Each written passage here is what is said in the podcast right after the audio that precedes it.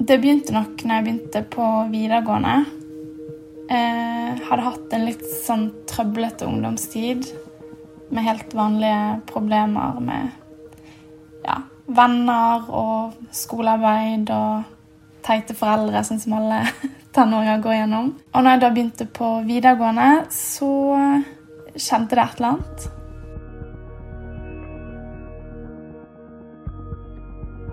Jeg gikk fra å være veldig åpen og eh, pratsom til å kun snakke om de overfladiske tingene.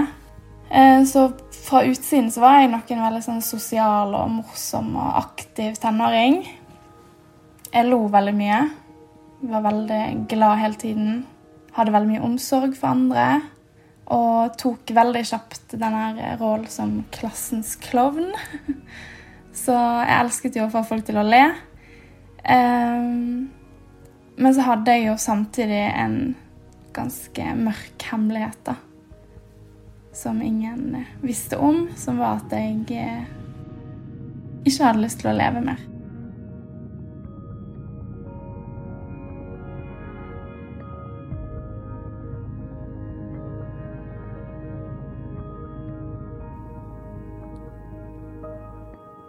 Når barna kommer inn i et destruktivt mønster, i dype depresjoner og i verste fall selvmordstanker. Hedvig Montgomery, det er ikke nødvendigvis lett å fange opp hvordan barn, og kanskje spesielt tenåringer, egentlig har det. Nei, og det, altså noe av det som gjør det vanskelig, er at alle tenåringer på et nivå har det dårlig. Alle tenåringer blir i tvil om seg selv, om de kommer til å kunne være til nytte, om, eh, om de er bra nok. Så hvordan ser du, skiller du de som har helt normal selvtvil, fra dem som eh, er i, eh, på et sted hvor det faktisk er risiko, hvor det kan gå riktig galt? Hva kjennetegner egentlig depresjoner, da, for å begynne der, hos eh, barn? Altså det, det, vi ser som er en veldig stor forskjell, eh, det er at de aller fleste eh, ungdommer svinger mye. De kan eh, være rasende, være fortvilet, sitte og gråte håndløst, for så å komme og eh, kose seg med å se på en film sammen og ha det fint. Det er vanlig. Men noen svinger ikke. Noen låser seg eller blir låst fast i det fortvilte. Det kommer aldri et glimt av smil. Det kommer aldri noe kommunikasjon som er utenfor den der mørke. Og det er vel kanskje det absolutt tydeligste tegnet. Og så er det ett problem til her. Det er at mange er eh, De har på en måte lært seg hvordan de skal komme unna foreldrenes blikk. Sånn at de, de smiler med munnen og sier 'men det går fint'. Men det er ikke noe smil i øynene. Eh, mm. De prøver å gi deg en ro, eh, sånn at de skal kunne fortsette å gjemme seg.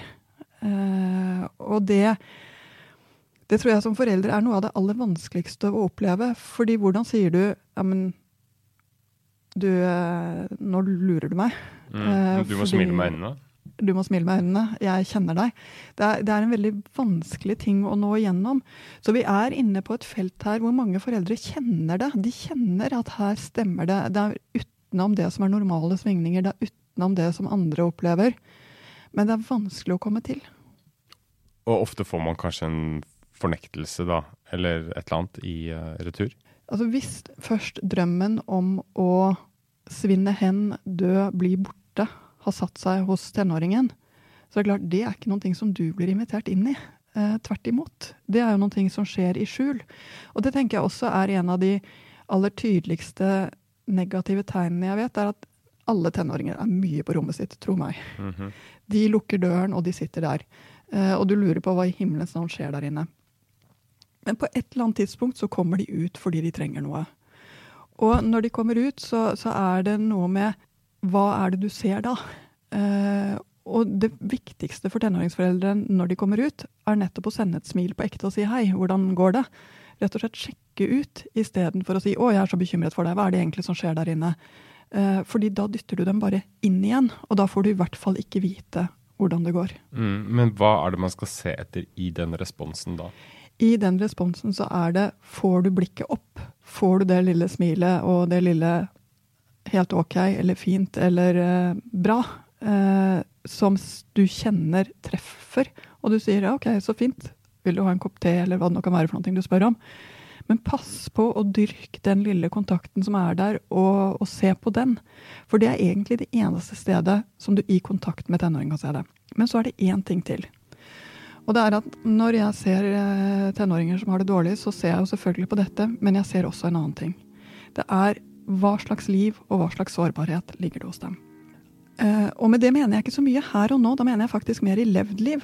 Har de en spesiell risiko? Har de noen ting de har vært nødt til å leve med som andre ikke har vært nødt til å leve med? En sykdom, en vanskelig skilsmisse som aldri har løst seg helt. Uh, mobbing i femte klasse. Altså hva det kan være for noe som har laget den der følelsen av å være annerledes, ikke å være bra nok, som ofte blomstrer i tenåringstiden. Eh, så jeg ser rett og slett på hva er det i denne ungdommens liv som er, en ris altså som er noe utenom det vanlige som andre ungdommer kanskje ikke har med seg. Og det er ingen tvil om at jo flere slike faktorer jeg kan legge oppå hverandre, jo mer grunn har jeg til å være bekymret når jeg treffer ungdommen.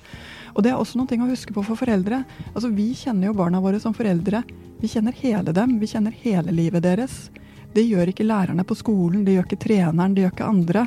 Men det at vi kjenner dem med hele deres historie og hele deres liv, gjør også at vi vet mer om, eh, om, hva de har å stri med. Og det er faktisk noe av det de trenger. At noen skjønner hva de har å stri med, i en periode hvor de kanskje ikke engang skjønner det selv. Fordi det er jo ikke så lett for en forelder eller en familie å se seg selv utenfra eh, og se hvilke sårbarheter som objektivt sett kanskje da, er i denne familien, eller? Ja, eh, noen ting er vanskelig, men andre ting er ganske nesten etter skjema. Eh, jeg nevnte noen ting her. Eh, det ene er selvfølgelig at barna bor i to hjem, og kanskje til og med står fanget i en konflikt mellom foreldre. Eh, slike konflikter trenger ikke å gå over. For foreldrene så blir det nesten en vane, men for barna er det en pågående krise som virkelig kan blomstre opp og oppleves som mye vanskeligere å håndtere i tenåringsfasen. Så det er én ting. En annen ting er alt det som lager en eller annen form for 'jeg er litt annerledes enn andre'. Sykdommer, allergier, eh, det å høre dårlig, det å, å, ha noen ting som skal håndteres, er vanskeligere for tenåringene enn det det er for de mindre barna, som stoler mer på at mamma og pappa gjør det, og de voksne, som vet at de kan gjøre det. Så det er også en, en ting som vi ser gjør det vanskeligere i denne fasen. Og så er det tidligere ting de har opplevd som har vært skikkelig vondt for dem, og det er kanskje spesielt mobbing på skolen. Noen ting jeg vil trekke frem. Eh, og det kan være lett å tenke at ja, men det var i femte klasse, som for øvrig er det vanligste stedet at det har skjedd. Eh, nå er det gått over, nå er det blitt bra, nå har han fått det fint, nå har hun funnet sin plass. Men den historien ligger der og gjerder ofte hos dem når de går i tiende klasse. Og trenger kanskje til og med å kobles litt tilbake igjen og si åh, fikk du litt den samme følelsen som i femte klasse nå? Jeg skjønner. Eh, hva er likt og hva er annerledes? Altså, da trenger de litt hjelp til å sortere, se at ting er annerledes, og, og til å finne ut at ja, men det går an å gå videre.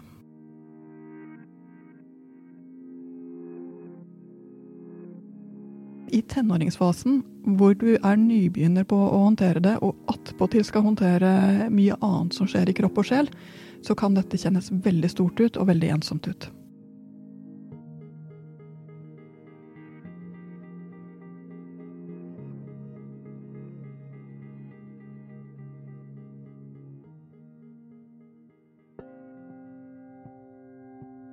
Det er jo litt vanskelig å peke på én ting.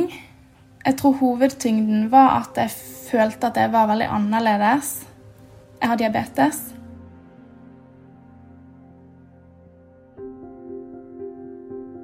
Jeg heter Karoline Torbjørnsen, er 26 år, kommer fra Bergen og survivor.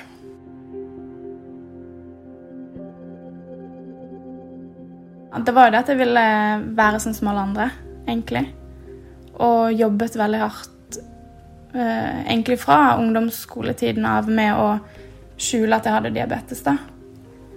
Eh, noe som jo resulterte i at eh, jeg ofte ikke tok insulin sånn som jeg skulle, og hadde mye høyt blodsukker. Og i ettertid så har jeg jo lært at hvis du har veldig svingete blodsukker, så har man veldig anlegg for å få psykiske lidelser. Eh, så det var jo i utgangspunktet den følelsen av at jeg var ikke som alle andre. Eh, og jeg ville ikke at folk skulle påpeke det, på en måte.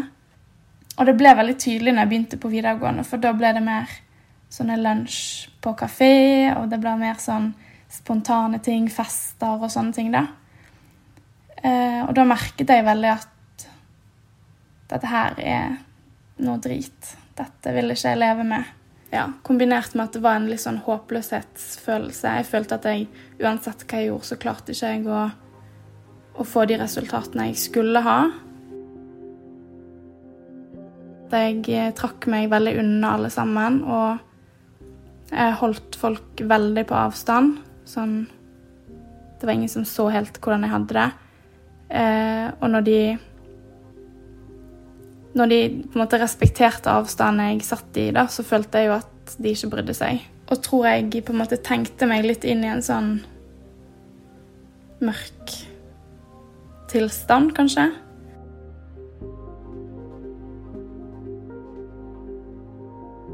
Uh, og så var jeg bare veldig opptatt av å ikke fortelle til noen hva jeg tenkte på, fordi det var ikke sånn man skulle tenke, på en måte.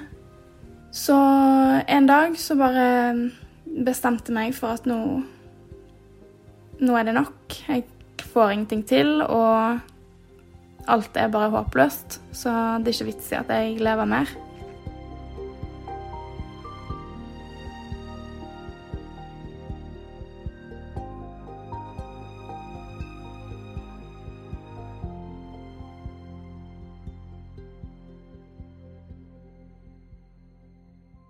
Det er en periode hvor det å finne sin skarphet og sin identitet samtidig som lengselen etter å være akkurat som de andre, er veldig stor. Og, og, voksne ler ofte av det, hvordan man intervjuer eh, tenåringer som snakker om hvor viktig det er å være seg selv, og så står de der i kliss like jakker. Uh, og det virker eh, ganske rart på, på de voksne, men for tenåringen gir faktisk dette perfekt mening. Jeg føler at jeg er meg sammen med de andre som, på, som, er på samme måte. Det er på mange måter Det er, det er fint. Eh, og når du ikke får til det, som en del rett og slett av forskjellige grunner ikke får til, så ser vi ofte at de går langt ut i andre retningen. Kler seg veldig annerledes. Får veldig sterke uttrykk i, i hvordan de eh, sminker seg. Eh, farge på klærne, hvordan de virkelig går langt og legger ned mye arbeid i å vise at jeg er så annerledes at prøver, det er ikke det at jeg ikke prøver å passe inn, jeg er ikke inn. Den posisjonen, litt sånn emo-posisjonen, er en ganske tung posisjon å bære for et ungt menneske. Eh, og det tror jeg av og til vi voksne også misforstår litt, fordi vi sier 'å, så modig du er som tør å være deg selv'. Ja. Eh, sånn at vi, vi legger det på en modighetsfaktor. Eh, og det er klart, visst er det modig, men det gjør det ikke noe lettere. Sier du da at hvis man begynner med litt sånn outrerte markører, for å si det sånn, altså sterk sminke, som du sier, f.eks. går og piercer seg masse, og, og er det et dårlig tegn? Alltid? Det er i hvert fall noe du skal være eh, klar over at da trenger ungdommen din enda mer å føle at uh, han eller hun hører til hos dere. Mm. Eh, og at dette blir akseptert og blir tålt hos dere. For hvis du da attpåtil som ung opplever at da blir mamma og pappa helt gærne, og jeg får ikke lov til å være med på eh, familiemiddagene, så blir det på en måte ytterligere en spiker i kista på å høre til-faktoren. Mm. Mm. Hey, I'm Ryan Reynolds. At Mint Mobile, we like to do the opposite of what Big Wireless does. They charge you a lot. We charge you a little. So naturally, when they announced they'd be raising their prices due to inflation, we decided to deflate our prices due to not hating you. That's right. We're cutting the price of Mint Unlimited from $30 a month to just $15 a month. Give it a try at mintmobile.com slash switch. $45 upfront for three months plus taxes and fees. Promote for new customers for limited time. Unlimited more than 40 gigabytes per month. Slows. Full terms at mintmobile.com. Så hvis man merker da at uh, sin ungdom begynner å for å ta det eksempelet igjen, altså kle, kle seg spesielt, uh, dra på seg masse sminke og osv. Hva, hva, gjør, hva gjør man da? da? Altså, du kan si at Det er jo to ting som er, uh, altså som, som er blinkende lys her. Det ene er det vi snakker om nå, de som, som, gjør alt for å vise at de ikke hører til. Og den andre gruppen er de som faller helt inn i seg selv. Uh, blir, får mindre og mindre kontakt med andre. Blir vanskeligere og vanskeligere å få den lille kontakten med, og som trekker seg unna både venner og, og familie. Begge de to tingene er på mange måter varsellampene. Og hva skal du gjøre for noe? For det første skal du vite at nå er det noe her som eh, jeg trenger eh, hjelp til. For det finnes hjelp. Eh, denne ungdomsdepresjonen er absolutt noen ting som kan trenge at noen som ikke står midt oppi det, ser ungdommen på og bekrefter ungdommen på at vet du hva, det går fint, og jeg er her sammen med deg.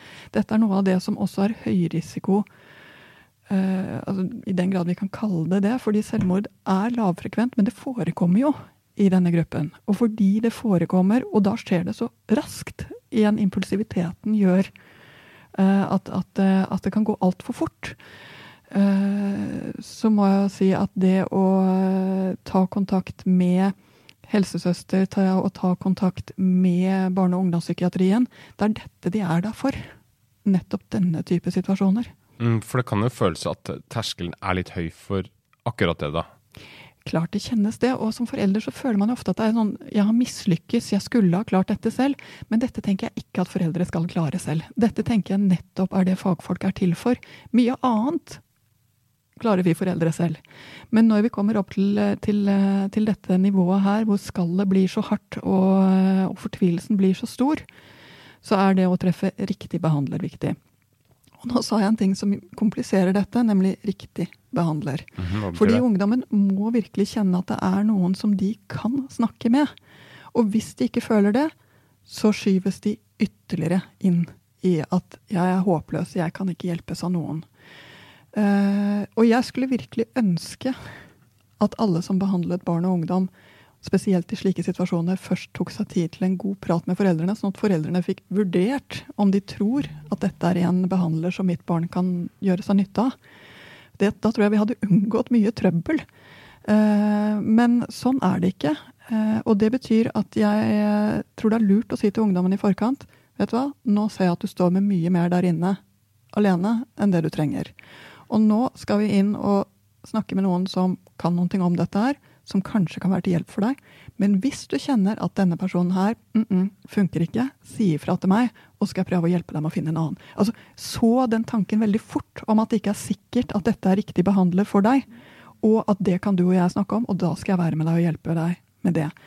Eh, fordi hvis ikke så risikerer du rett og slett at feil match med behandler gjør problemet enda større. Ja, Men vil ikke liksom, unge gjerne i sin natur avfeie noen som duste og plageånder uh, uansett? Nei, de vil ikke det, fordi de vil jo gjerne bli hørt. De vil gjerne bli forstått. Uh, og den opplevelsen av at jeg kan forstås, jeg kan, noen kan se meg sånn som jeg er, det er en sterk drivkraft i alle mennesker, helt uavhengig av alder. Den er bare vanskeligere å fange i denne alderen her. Du snakka om uh, det der å ta i bruk uh, drøye utseendeeffekter, for å kalle det det. Selvskading, er det ekstremvarianten av det? For det er noe som mange jo anser som fullkomment absurd, bare nærmest. Hva er det et uttrykk for, egentlig? Selvskading er ikke så absurd. Jeg syns ikke det er absurd. Kanskje det er jeg som, som er litt rar her. Uh, men selvskading er jo ekstremuttrykket for 'jeg har det vondt', 'ingen kan hjelpe meg', 'jeg er helt alene'. Så selvskading er på mange måter det mest høylytte, men skjulte rop om hjelp du kan få. Eh, som gjør det litt vanskelig. Eh, fordi når du sier det er helt absurd å skjære i seg selv, så må jeg bare si ja, men hvis du har stått der og vært skikkelig fortvila og følt deg helt ute, så er det faktisk lettere å få den der konsentrerte smerten eh, å forholde deg til, enn det det er at alt er vanskelig og jeg har feil. Altså at den fysiske smerten er nesten er enklere å håndtere enn den mentale? Ja, det blir liksom konsentrert ned til noe som kan bokstavelig talt tas på. Eh, så jeg syns ikke selvskading er spesielt merkelig, men det er farlig. Og selvskading er absolutt av de tingene som vi skal ta på alvor som et dårlig tegn. Fordi det leder ikke noe godt sted. Nei. Men er det noe spesielt man kan gjøre eller se etter i den sammenheng? Ja, det første er å faktisk se det. Ja. Eh, de vil jo prøve å, å, skjule det. Og jeg tror nesten dette har blitt enda mer skjult nå i takt med at vi snakker mer om det. Så blir de mer og mer opptatt av at det er skammelig, at det er noen ting som jeg må ha for meg selv. Så som foreldre tror jeg her det handler om å bare vite at ja, det er en av de tingene som forekommer. Og så er det å vite én ting til. Av alle de som selvskader seg, så slutter bortimot 100 Dette er ikke noen ting som fortsetter. Men det er et uttrykk for en ekstrem fortvilelse i en periode som noen må se uh, for at det skal gå fortere over og skal være lettere å leve med senere. Hvis du går med en fornemmelse eller en veldig sterk frykt for at det er så dårlig stilt med barnets helse nå at du er redd for at det skal ta livet sitt, hva gjør man da? Det jeg ville ha gjort når jeg føler sterk bekymring for uh, ungdommen min, det er for det første å høre hva ser de andre som er rundt ungdommen. Snakk med om det er noen, en lærer der, om det er en annen forelder der. altså Snakk med andre som også ser ungdommen din. Fordi det kan faktisk være at andre ser andre ting, og andre har en annen tilgang enn det du har. Men du må begynne å dele. Ikke sitt alene med bekymringen, du også. Det andre det er ta deg tid til å ta en ordentlig prat med fastlegen som dere har, som kjenner deg, og som kanskje også kjenner uh, ungdommen. Fordi de har også en kunnskap om både aldersgruppen og om, uh, om den fortvilelsen som er nyttig, og om hjelpeapparatet som er uh, god å få, få, brukt. Så de langsiktige tingene er rett og slett dette. Begynn å, å, finne ut av det, og begynne å snakke med andre voksne om det. Og så er det mange som sier men jeg vil ikke utlevere ungdommen min.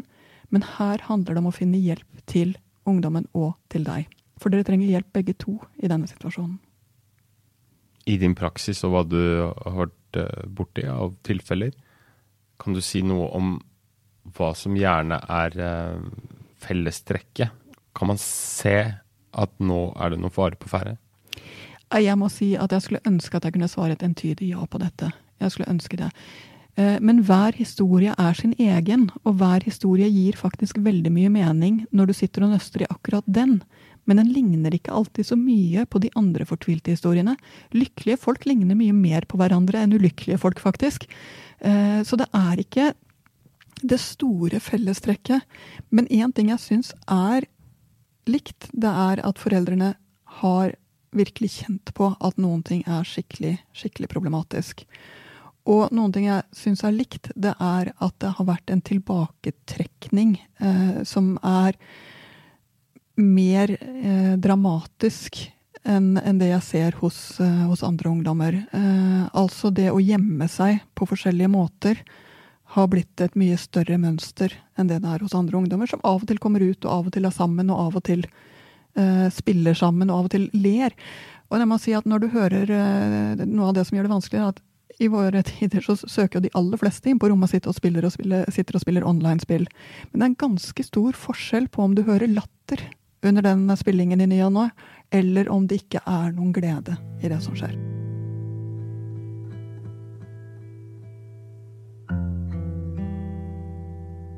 Jeg tror egentlig at ingen kunne gjort noen ting. For jeg vet at jeg stengte helt av og spilte på en måte et skuespill utad om at jeg var kjempelykkelig og hadde det kjempebra. Og jeg tror at jeg dessverre er en veldig god skuespiller. Så det var vanskelig for folk å fange opp at noe ikke stemte. Men jeg merket jo på et punkt òg at folk begynte å ane at her er det et eller annet som foregår. Og så tror jeg de var veldig redd for å trå feil, så derfor holdt de seg på avstand. Eh, så jeg tror at hvis folk hadde våget å ikke være så redde og si noe feil eller gjøre noe feil, at det, det kanskje kunne blitt oppdaget litt tidligere.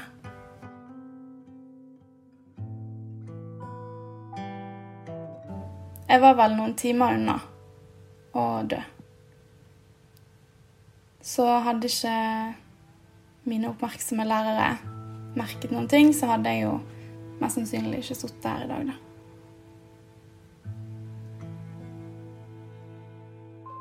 Jeg har lært at kommunikasjon, det er nøkkel til alt. Og det er jo sikkert verdens største klisjé, men, men for meg så har det vært hel Altså, det har vært selve redningen oppi alt. At når jeg innså at det å snakke om det jeg egentlig ikke har lyst til å snakke om, eh, det kan gjøre underverker. Rett og slett.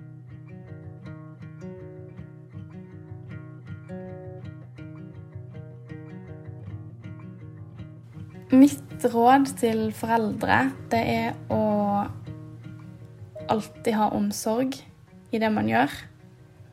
Jeg vet at tenåringer spesielt, de er, kan være ganske sånn merkelige skapninger. Det er ikke alltid man helt vet hvor man har de, og den ene dagen så kan jo foreldrene være de, de aller beste i hele verden, og så andre dagen så er de de største idiotene på kloden, liksom. Um, men min erfaring og mine opplevelser det er at ungdommer de trenger denne trygge basen. Og et sted der de bare kan være den de er, og føle det de føler. Og likevel føle at de er elsket og ønsket. Så jeg tror at det å vise omsorg eh, i alt man sier og gjør, og ha respekt, og så være veldig nysgjerrig på barna sine, det tror jeg er veldig viktig. Ja. 27 blir det 2 og 7. Syv. To og syv. Ja. Jeg blir tre. Du blir tre. For to og et halvt år siden så fikk jeg en liten gutt. og han Han er fire. Ja. Han er jo det beste som har skjedd meg, da. Det var fire.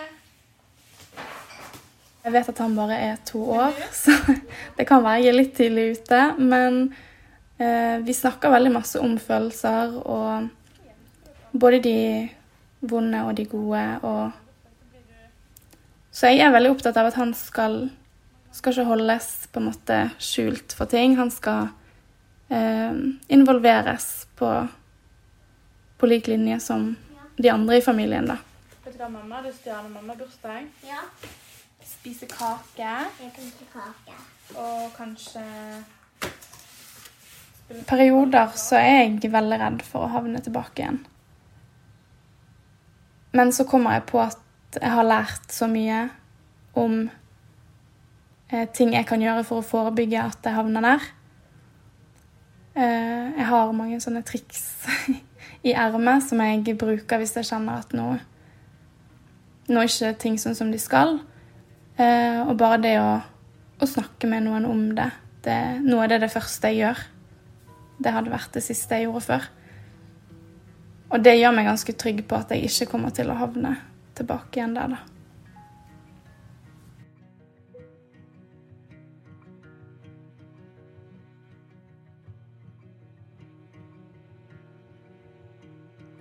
Ok.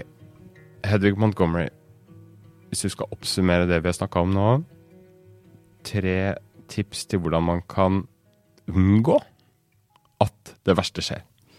Altså jeg tror det første er å huske på at den lille kontakten du har med ungdommen din, er gull verdt. Og i perioder så er den veldig tynn. Du får ikke så mange av de der glimtene av eh, ordentlig kontakt i løpet av en uke, kanskje, men ta vare på de glimtene. Pass på at du eh, har et ekte smil til ungdommen din hver eneste dag. Det andre, det er at det er lett å, å kjenne at man blir bekymret, og i perioder her så vil man virkelig bli bekymret. Men blir du for bekymret, så er det det verste ungdommen din vet. Når det er mye bekymring hos deg, så vil ikke de snakke med deg lenger, for de føler seg skyldige i din bekymring. Så håndter din egen bekymring annensteds. Snakk med venner, snakk med fagfolk. eh, Hør en fin konsert eller eh, drikk et glass vin og slapp av. Sånn at du ikke har en bekymring som går i deg hele tiden, fordi da er du ikke kontaktbar for ungdommen din. Og den tredje er ikke vær redd for å søke hjelp. Dette er ingenting du har gjort galt når ungdommen din har det skikkelig vanskelig. Det kan være så mange ting frem til dette som handler om både personligheten, som handler om ting som har skjedd før, som handler om ting som har skjedd nå, som ikke har noe med deg å gjøre.